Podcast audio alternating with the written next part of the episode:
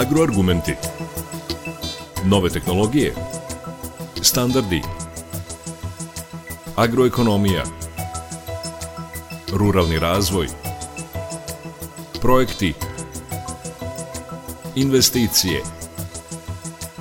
Preduzetništvo. Biljna proizvodnja. Stočarstvo. Agroargumenti. Uređuje Stevan Davidović.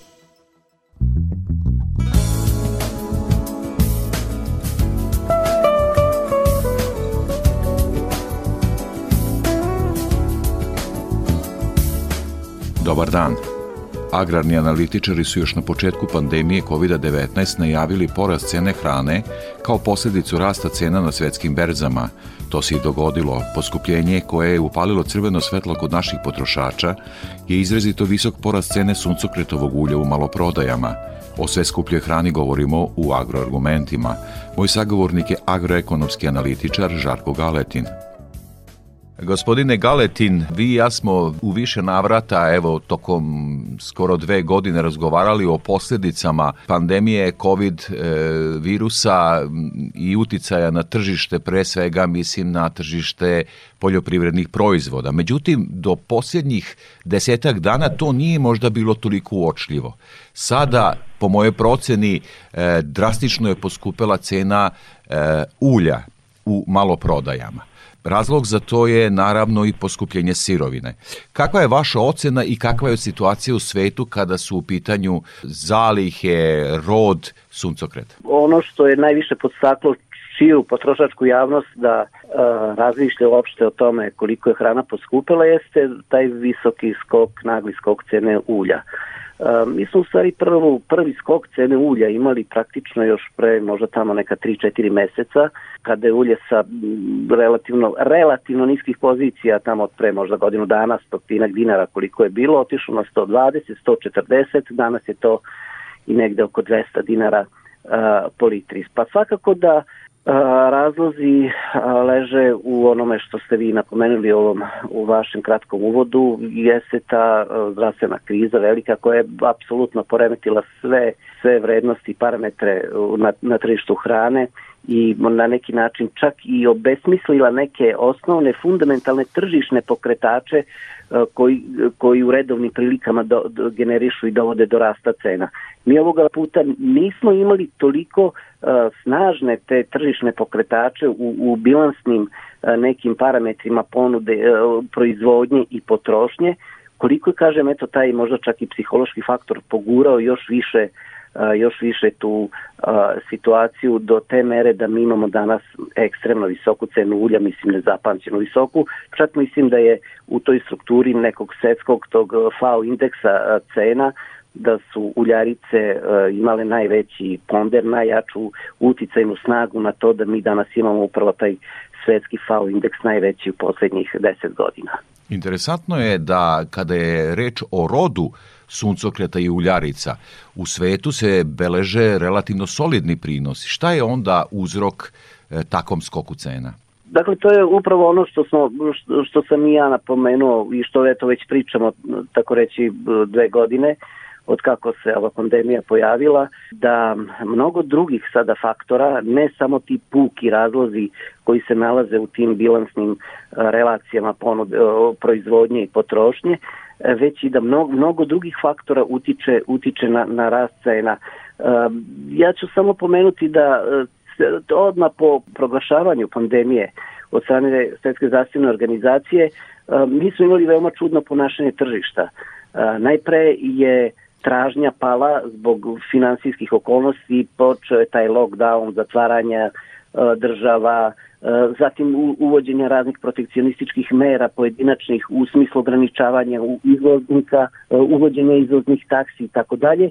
I e, dok se malo nismo sve osvestili, e, tada je tražnja odjednom nasutrila naglo na tom tržištu, odjednom se pojavila na tržištu u strahu da, da neće imati dovoljno zaliha hrane i ta nagala poveća, naglo povećana tražnja i gomilanje, možda čak neprimereno gomilanje zaliha, dovelo je da taj pritisak tražnje prouzrokuje kasnije i rast cena. Dakle, nisu toliko u tim bilanskim relacijama sada razlozi, već pre svega to možda čak i nekom psihološkom faktoru koji, eto, kao što vidite, će mnogo duže trajati nego što smo mi mislili, a usput Svetska trgovinska organizacija nekako se stiče utisak da se nije snašla ili nije imala, da kažem, dovoljno nekog svog uh, autoriteta, integriteta da stane na crtu, što bi se ono reklo, toj, uh, tim, tim unilateralnim merama koji su potpuno uneli haos na tržište hrane i mi danas E, mi danas imamo upravo posledice jedne takve situacije. Srbija je dobrim delom agrarna zemlja, ekonomski gledano naravno.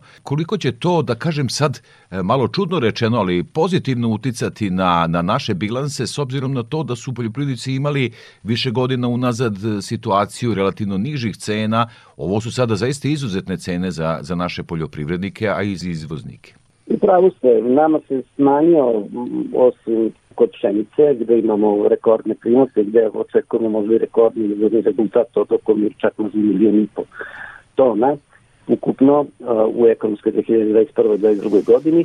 Kod svih ostalih kultura ćemo, smo imali ni podbačaj. Kod kukuruza i soje to bio znatan podbačaj, kod suncokreta nešto malo manje. Međutim, okolnosti na tržištu su takve da će finansijski efekti bukvalno biti možda čak i bolji nego u godinama kada smo količinski imali veće kapacitete za izvoz, s obzirom da su, da su cene otišle gore. Tako da, eto, ta, ta globalna situacija na globalnom tržištu hrane, Srbija, Srbija na neki način ide na ruku, međutim u nekim slučajevima i situacijama nam tržište baš i nije naklonjeno, kao što je to situacija recimo kod tržišta mesa gde smo zatrpani uvozom od recimo kod svinjskog mesa konkretno iz Evropske unije gde mi jednostavno nismo konkurentni bez obzira na ovaj sada neki dogovor i, i provere strane e, direktorata Evropske komisije o izvozu svinjskog i pilećeg mesa mislim da da tu Srbija gubi neku tržišnu utakmicu, ali generalno tamo gde smo uvek bili konkurentni, gde se Srbija oslanjala, da kažem, na jedan dobar izvedni rezultat, a to su primarne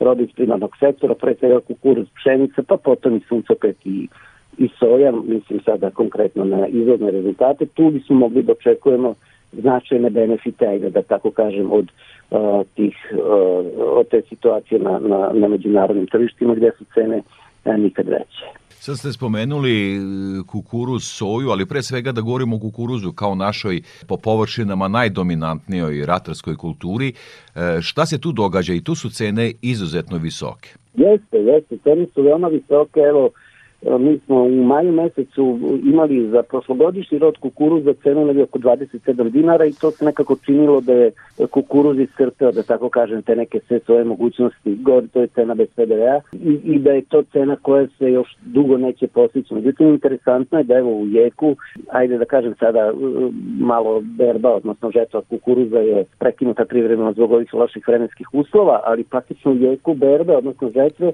mi dalje imamo relativno visoku cenu kukuruza.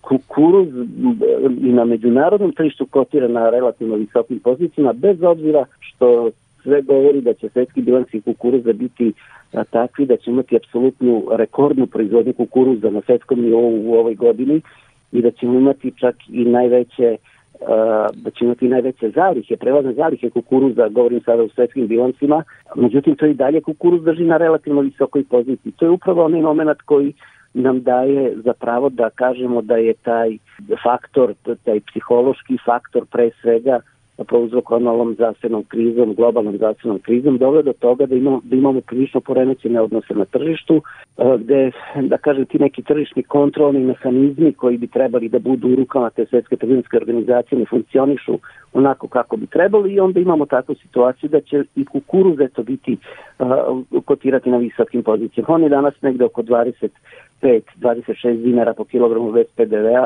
u vreme uh, žetve, odnosno berbe, tako da nikada nismo imali tako, tako dobru i visoku cenu u ovom periodu i s te strane to proizvođači kukuruza mislim da mogu, mogu biti zadovoljni i bez obzira na okolnost što ih očekuje jedna relativno skupa setva pšenice s obzirom na poskupljenje svih manje više svih inputa, mislim da sa aspekta financija i ekonomike, proizvodnje, kukuruza, pše i svih osvih kultura da bi naši poljoprivredni proizvođači ove godine mogli da budu zadovoljni. Sad već kad govorite o setvi pšenice koja je evo nakratko prekinuta ovom kišom, koliko će sad doći do izražaja to da se da je neophodno uložiti u proizvodnju, dakle e, analizirati zemljište, e, đubriti, e, pravilno obrada i tako dalje da bi se dobio maksimalan prinos u svetlo ovog o čemu razgovaramo, dakle o visokoj ceni primarnih ratarskih proizvoda.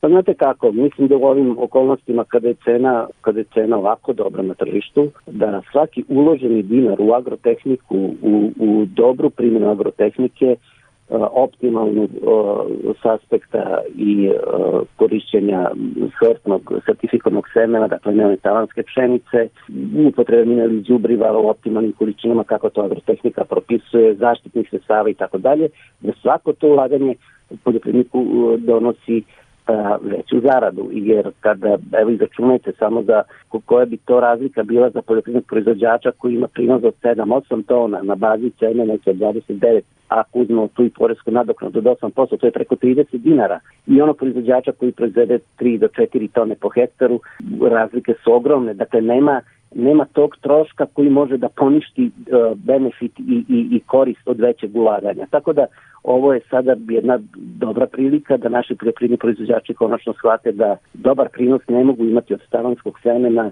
i loše primene agrotehnike. Evo, stalno nekako razgovaramo o ratarstvu, jer je ono zaista osnova i za stočarstvo i tako dalje, međutim, naši mnogi poljoprivrednici okrenuli su se voćarstvu. Kako tu stvari stoje kada je reč o cenama? Voćarstvo je doživjelo, da kažem, su neku renesansu poslednjih 7-8 godina, povećano su bitne površine pod, pod voćarskim kulturama. Voćarstvo uglavnom, kako da kažem, u velikoj meri zavisi, kao ostalo i ove bernonske robe, u velikoj meri zavisi od međunarodnih tržišta. I naše voćarstvo se u prilično velikoj meri oslonilo, pre svega tu sada mislim na jabuke, oslonilo dakle na izvoz u neke zemlje, pre svega Rusiju. Sada smo suočeni sa situacijom da Rusija koja je u startu trpela e, velike, da kažem, posledice ekonomskih tih sankcija strane Evropske unije gde je izgubila to tržište odakle nabavljala jabuke, da je da se Rusija okrenula proizvodnje jabuke i da mi više nismo konkurentni na ruskom tržištu sa našom proizvodnjom jabuka koja je sada kreće na neka druga tržišta. U svakom slučaju Mislim da je voćarstvo perspektivna grana, tim pre što um, mi u voćarstvu već imamo, a mogli bismo i da proširimo prerađivačke kapacitete, tako da voćarstvo je jedna grana koja je godinama po meni bila zapostavljena i koja sada zadnjih godina doživljava svoj uslovno rečeno neki preporod i mislim da prevođenjem uh, ne, nekih površina gde smo gajili ekstenzivne kulture, a koje su pogodne i povodne za, za uzgoj i za podizanje plantažnih sistema. Mislim da je to sada jedan dobar period gde Srbija može da se okrene, okrene voćarstvu, naravno uz svu primjenu najmodernije tehnologije proizvodnje, protivgradnih mreža i tako dalje, gde bi Srbija mogla definitivno da bude da bude konkurenta na međunarodnom tržištu.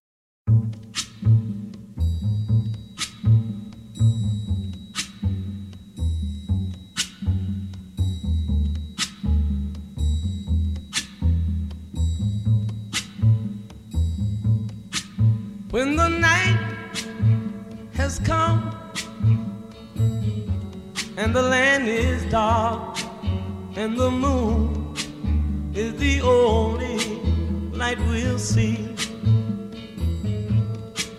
No, I won't be afraid. Oh, I won't be afraid just as long as you stand, stand by me. So, darling,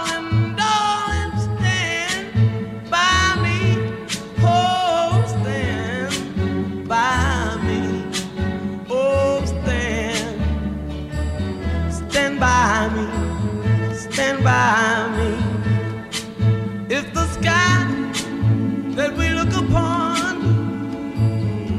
should tumble and fall, or the mountain should crumble to the sea. I won't cry, I won't cry, no, I won't shed a tear just as long as you stand, stand by me.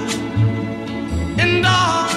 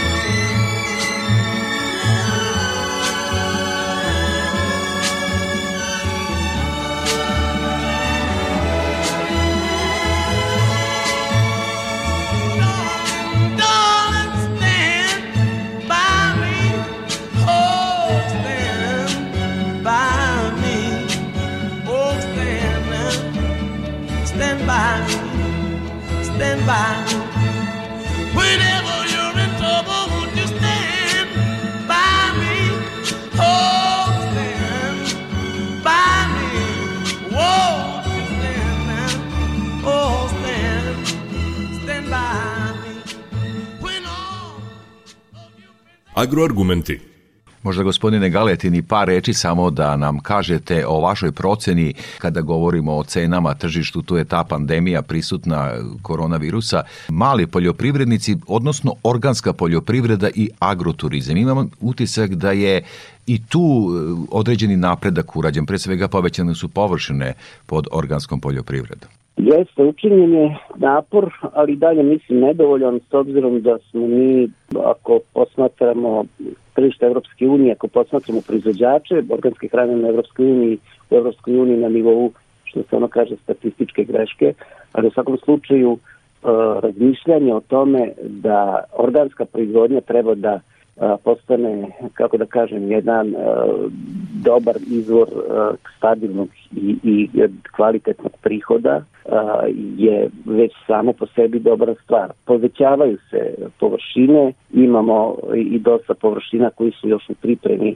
u toj fazi pripreme za licenciranje za proizvodnje organske proizvodnje i mislim da će za par godina organska proizvodnja koliko toliko podići nivo i svoje površine. Organska proizvodnja zahteva mnogo fizičkog rada, zahteva mnogo strpljenja, zahteva veliku predanost o proizvođača koji se time bave i ja verujem da ove neke mlade snage koje sve više se okreću poljoprivredi i naši mladi poljoprivrednici koji su sve edukovaniji i obučeniji za proizvodnju se okreću upravo takvim delatnostima i to je ono što definitivno za pohvalu i gde bi Srbija konačno mogla da vidi neku svoju šansu. I evo za kraj ovog razgovora, gospodine Galetin, pošto nakon razgovora vas i mene poslušat ćemo i razgovor koji sam imao sa predstavnicima Instituta za ratarstvo i povrtarstvo u Novom Sadu. Dakle, pitanje za kraj vama, koliko je značajno do ovakvim kriznim periodima kakva je sad e, svetska pomama za hranom dok cene rastu, da imamo domaće znanje, domaće institute, domaće seminarstvo, koliko je to bitno? To je e, nebitno, to je neophodno to je neophodno da Srbija zaštiti, uslovno rečeno, ne da zaštiti, da podstiče osnivanje sobstvene pameti, a ne da nam se ta pamet razvojiva po svetu. Utoliko pre mislim da je neophodno, da, kako bih rekao, ne spašavati, ali podsticati institucije tipa semena, dakle instituta u Novom Sadu, Zemonu i tako dalje. Nemojte zaboraviti da će pre svega naši selekcioneri i naši genetičari stvarati, praviti sorte i, i hibride koji su a, prilagođeni našim agrometeorološkim uslovima, našim pedološkim uslovima i uslovima koji su optimalni za proizvodnju kod nas. I to je, to, to je ono od, od čega mi pre svega treba da krenemo a ne da se neselektivno otvaramo prema, prema uvozu. Ja neću da kažem dužno poštovanje prema kvalitetnim sortama, hibridima sjemenskih ovih uh, dilera uh, semena koji uvoze robu iz uh, inostranstva, ali mislim da je osnovni zadatak, da kažem, naše države da postiče domaću pamet i da sačuva nauku u, u domenu genetike i selekcije domaćih semenskih sorti hibrida kako bismo mogli da budemo što konkurentni, što uspešniji na međunarodnom tržištu, ne samo u, u, smislu veće proizvodnje merkantilne robe, već konačno i postakli izvozne kapacitete upravo tih semenskih kuća koji se polako, po mom mišljenju i utisku opštem, gubi, izgubili smo neke pozicije na međunarodnom tržištu i mislim da je krajnje vreme da povratimo te izgubljene pozicije. Agroekonomski analitičar gospodin Žarko Galetin, velikom hvala za ovaj razgovor i učešće u programu Radio Novog Sada.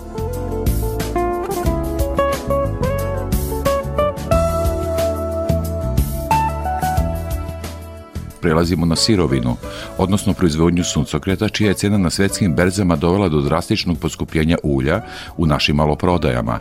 Gost je stručnjak Novosadskog instituta za ratarstvo i povrtarstvo Vladimir Miklić. Evo, gospodine Miklić, povod za ovaj razgovor je svakako poskupljenje ulja od suncokreta.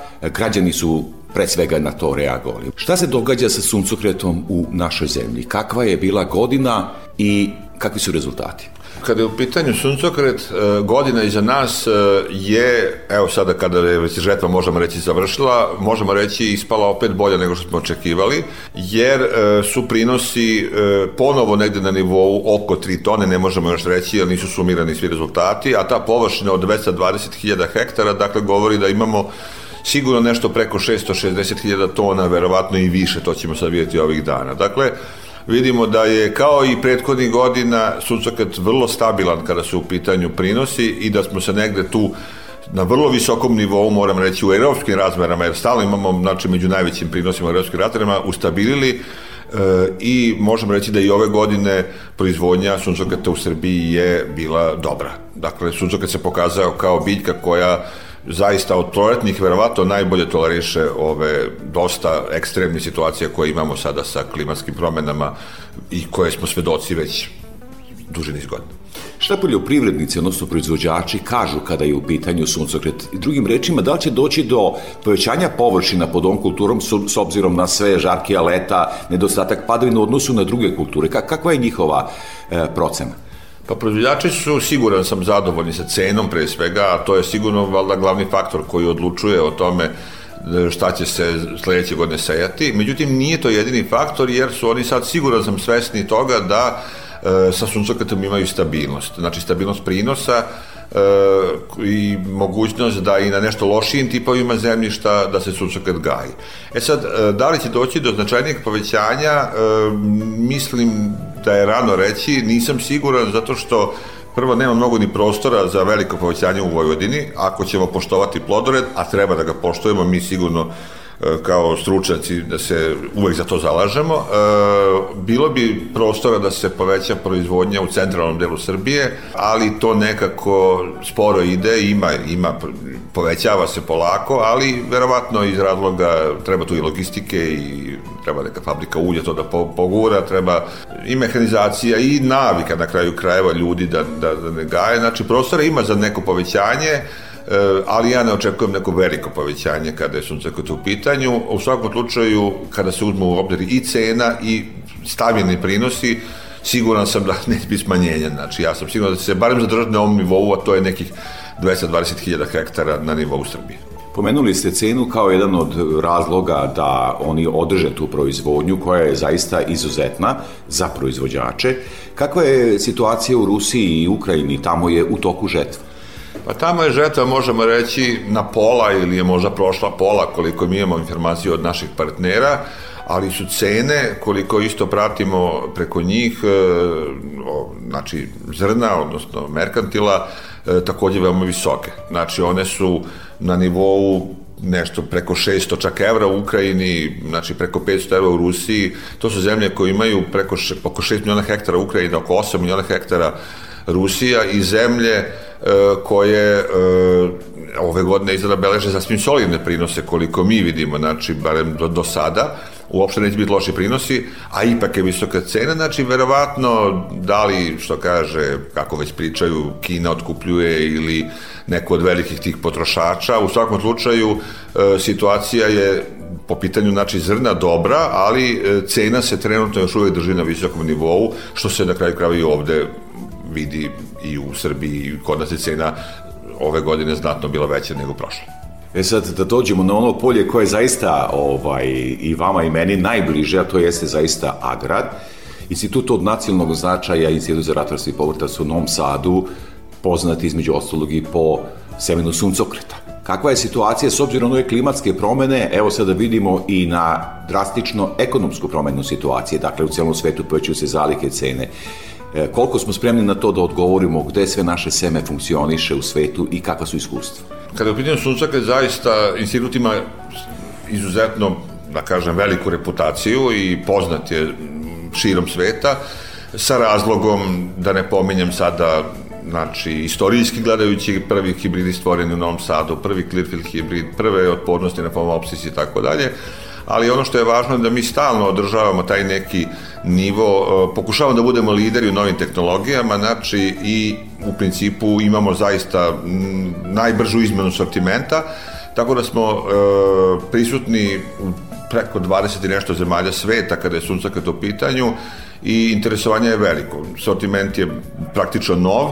Mi u Srbiji bukvalno skoro da nemamo hibrid stariji od 4-5 godina. Znači, govorimo o ovim udarnim hibridima, ne o nekim specifične namene koji eventualno i mogu da možda duže malo potrebi na tržištu.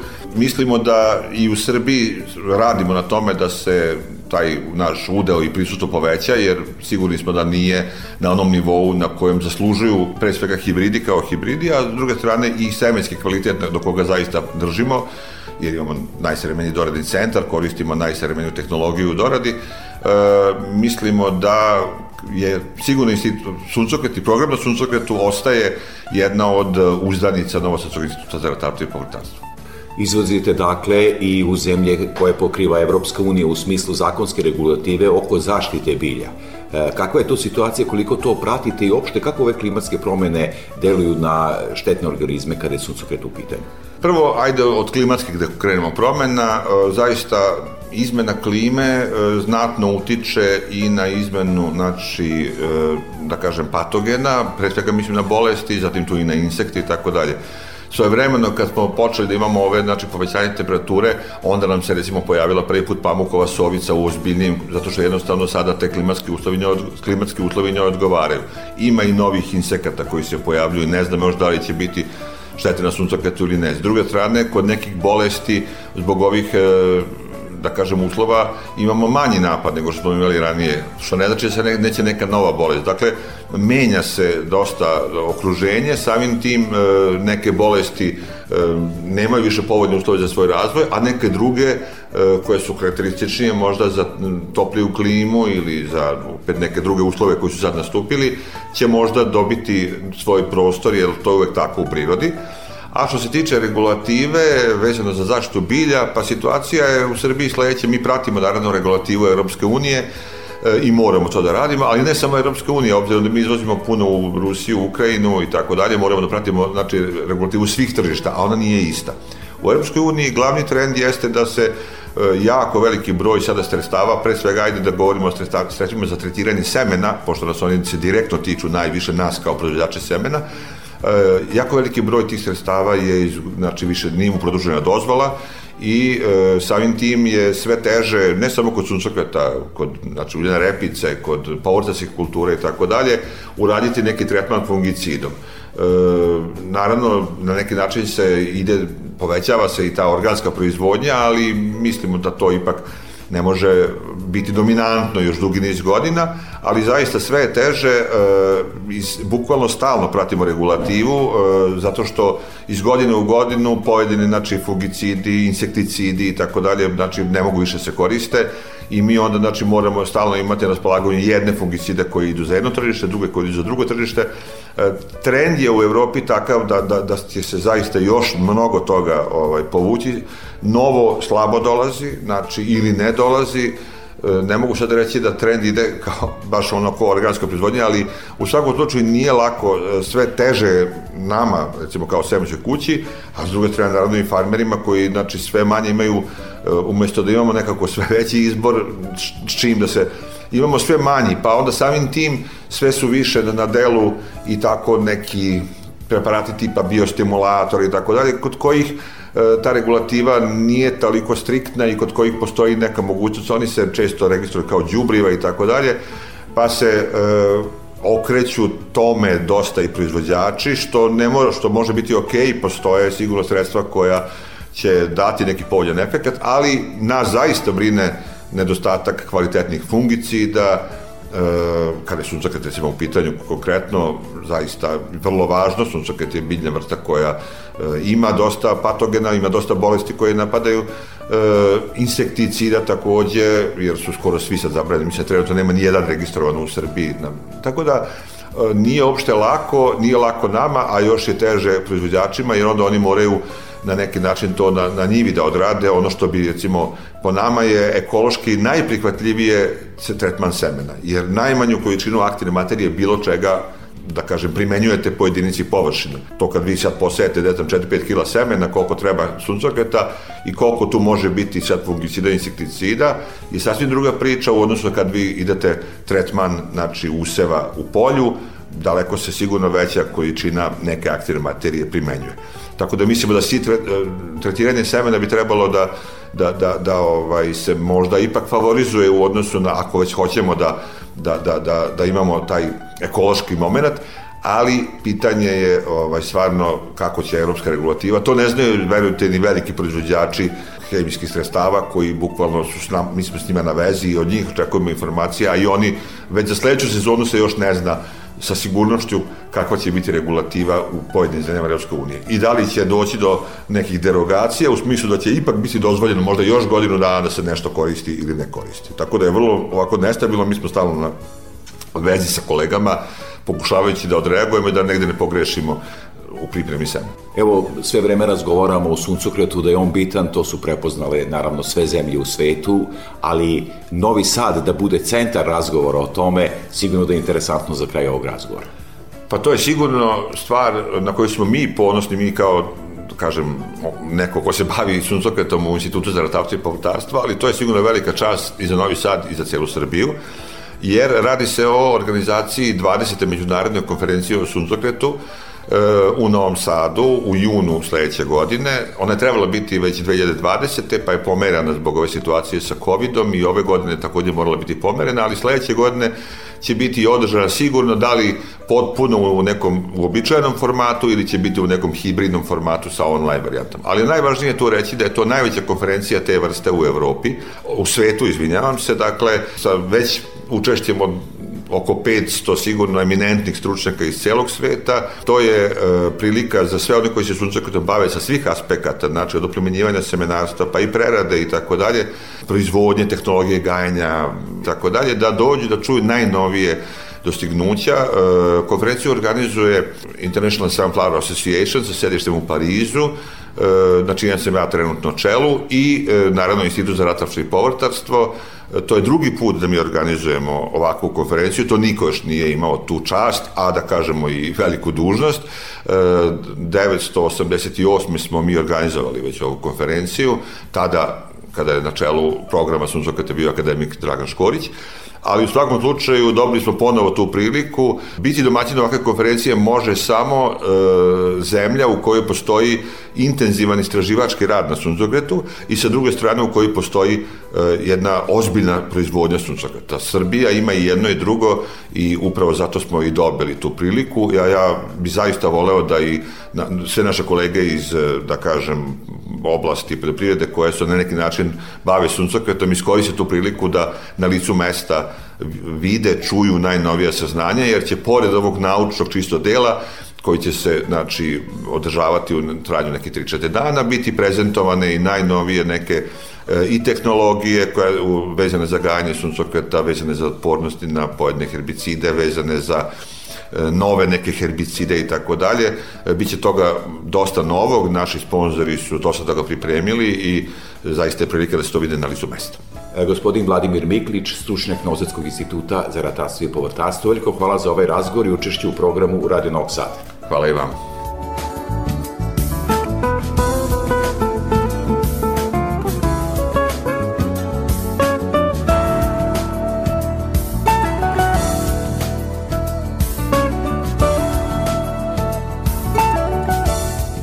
Slušali ste agroargumente, tema je bilo poskupljenje hrane kod nas i u svetu. Govorili smo i o tome koliko domaća nauka u svetlu novih proizvodnih i tržišnih prilika prati aktualne trendove najrazvijenijih agrarnih zemalja. Pozdravlja vas urednik i voditelj Stevan Davidović. Emisiju možete slušati na portalu Radio Televizije Vojvodine na adresi rtv.rs. Ostanite uz naš program.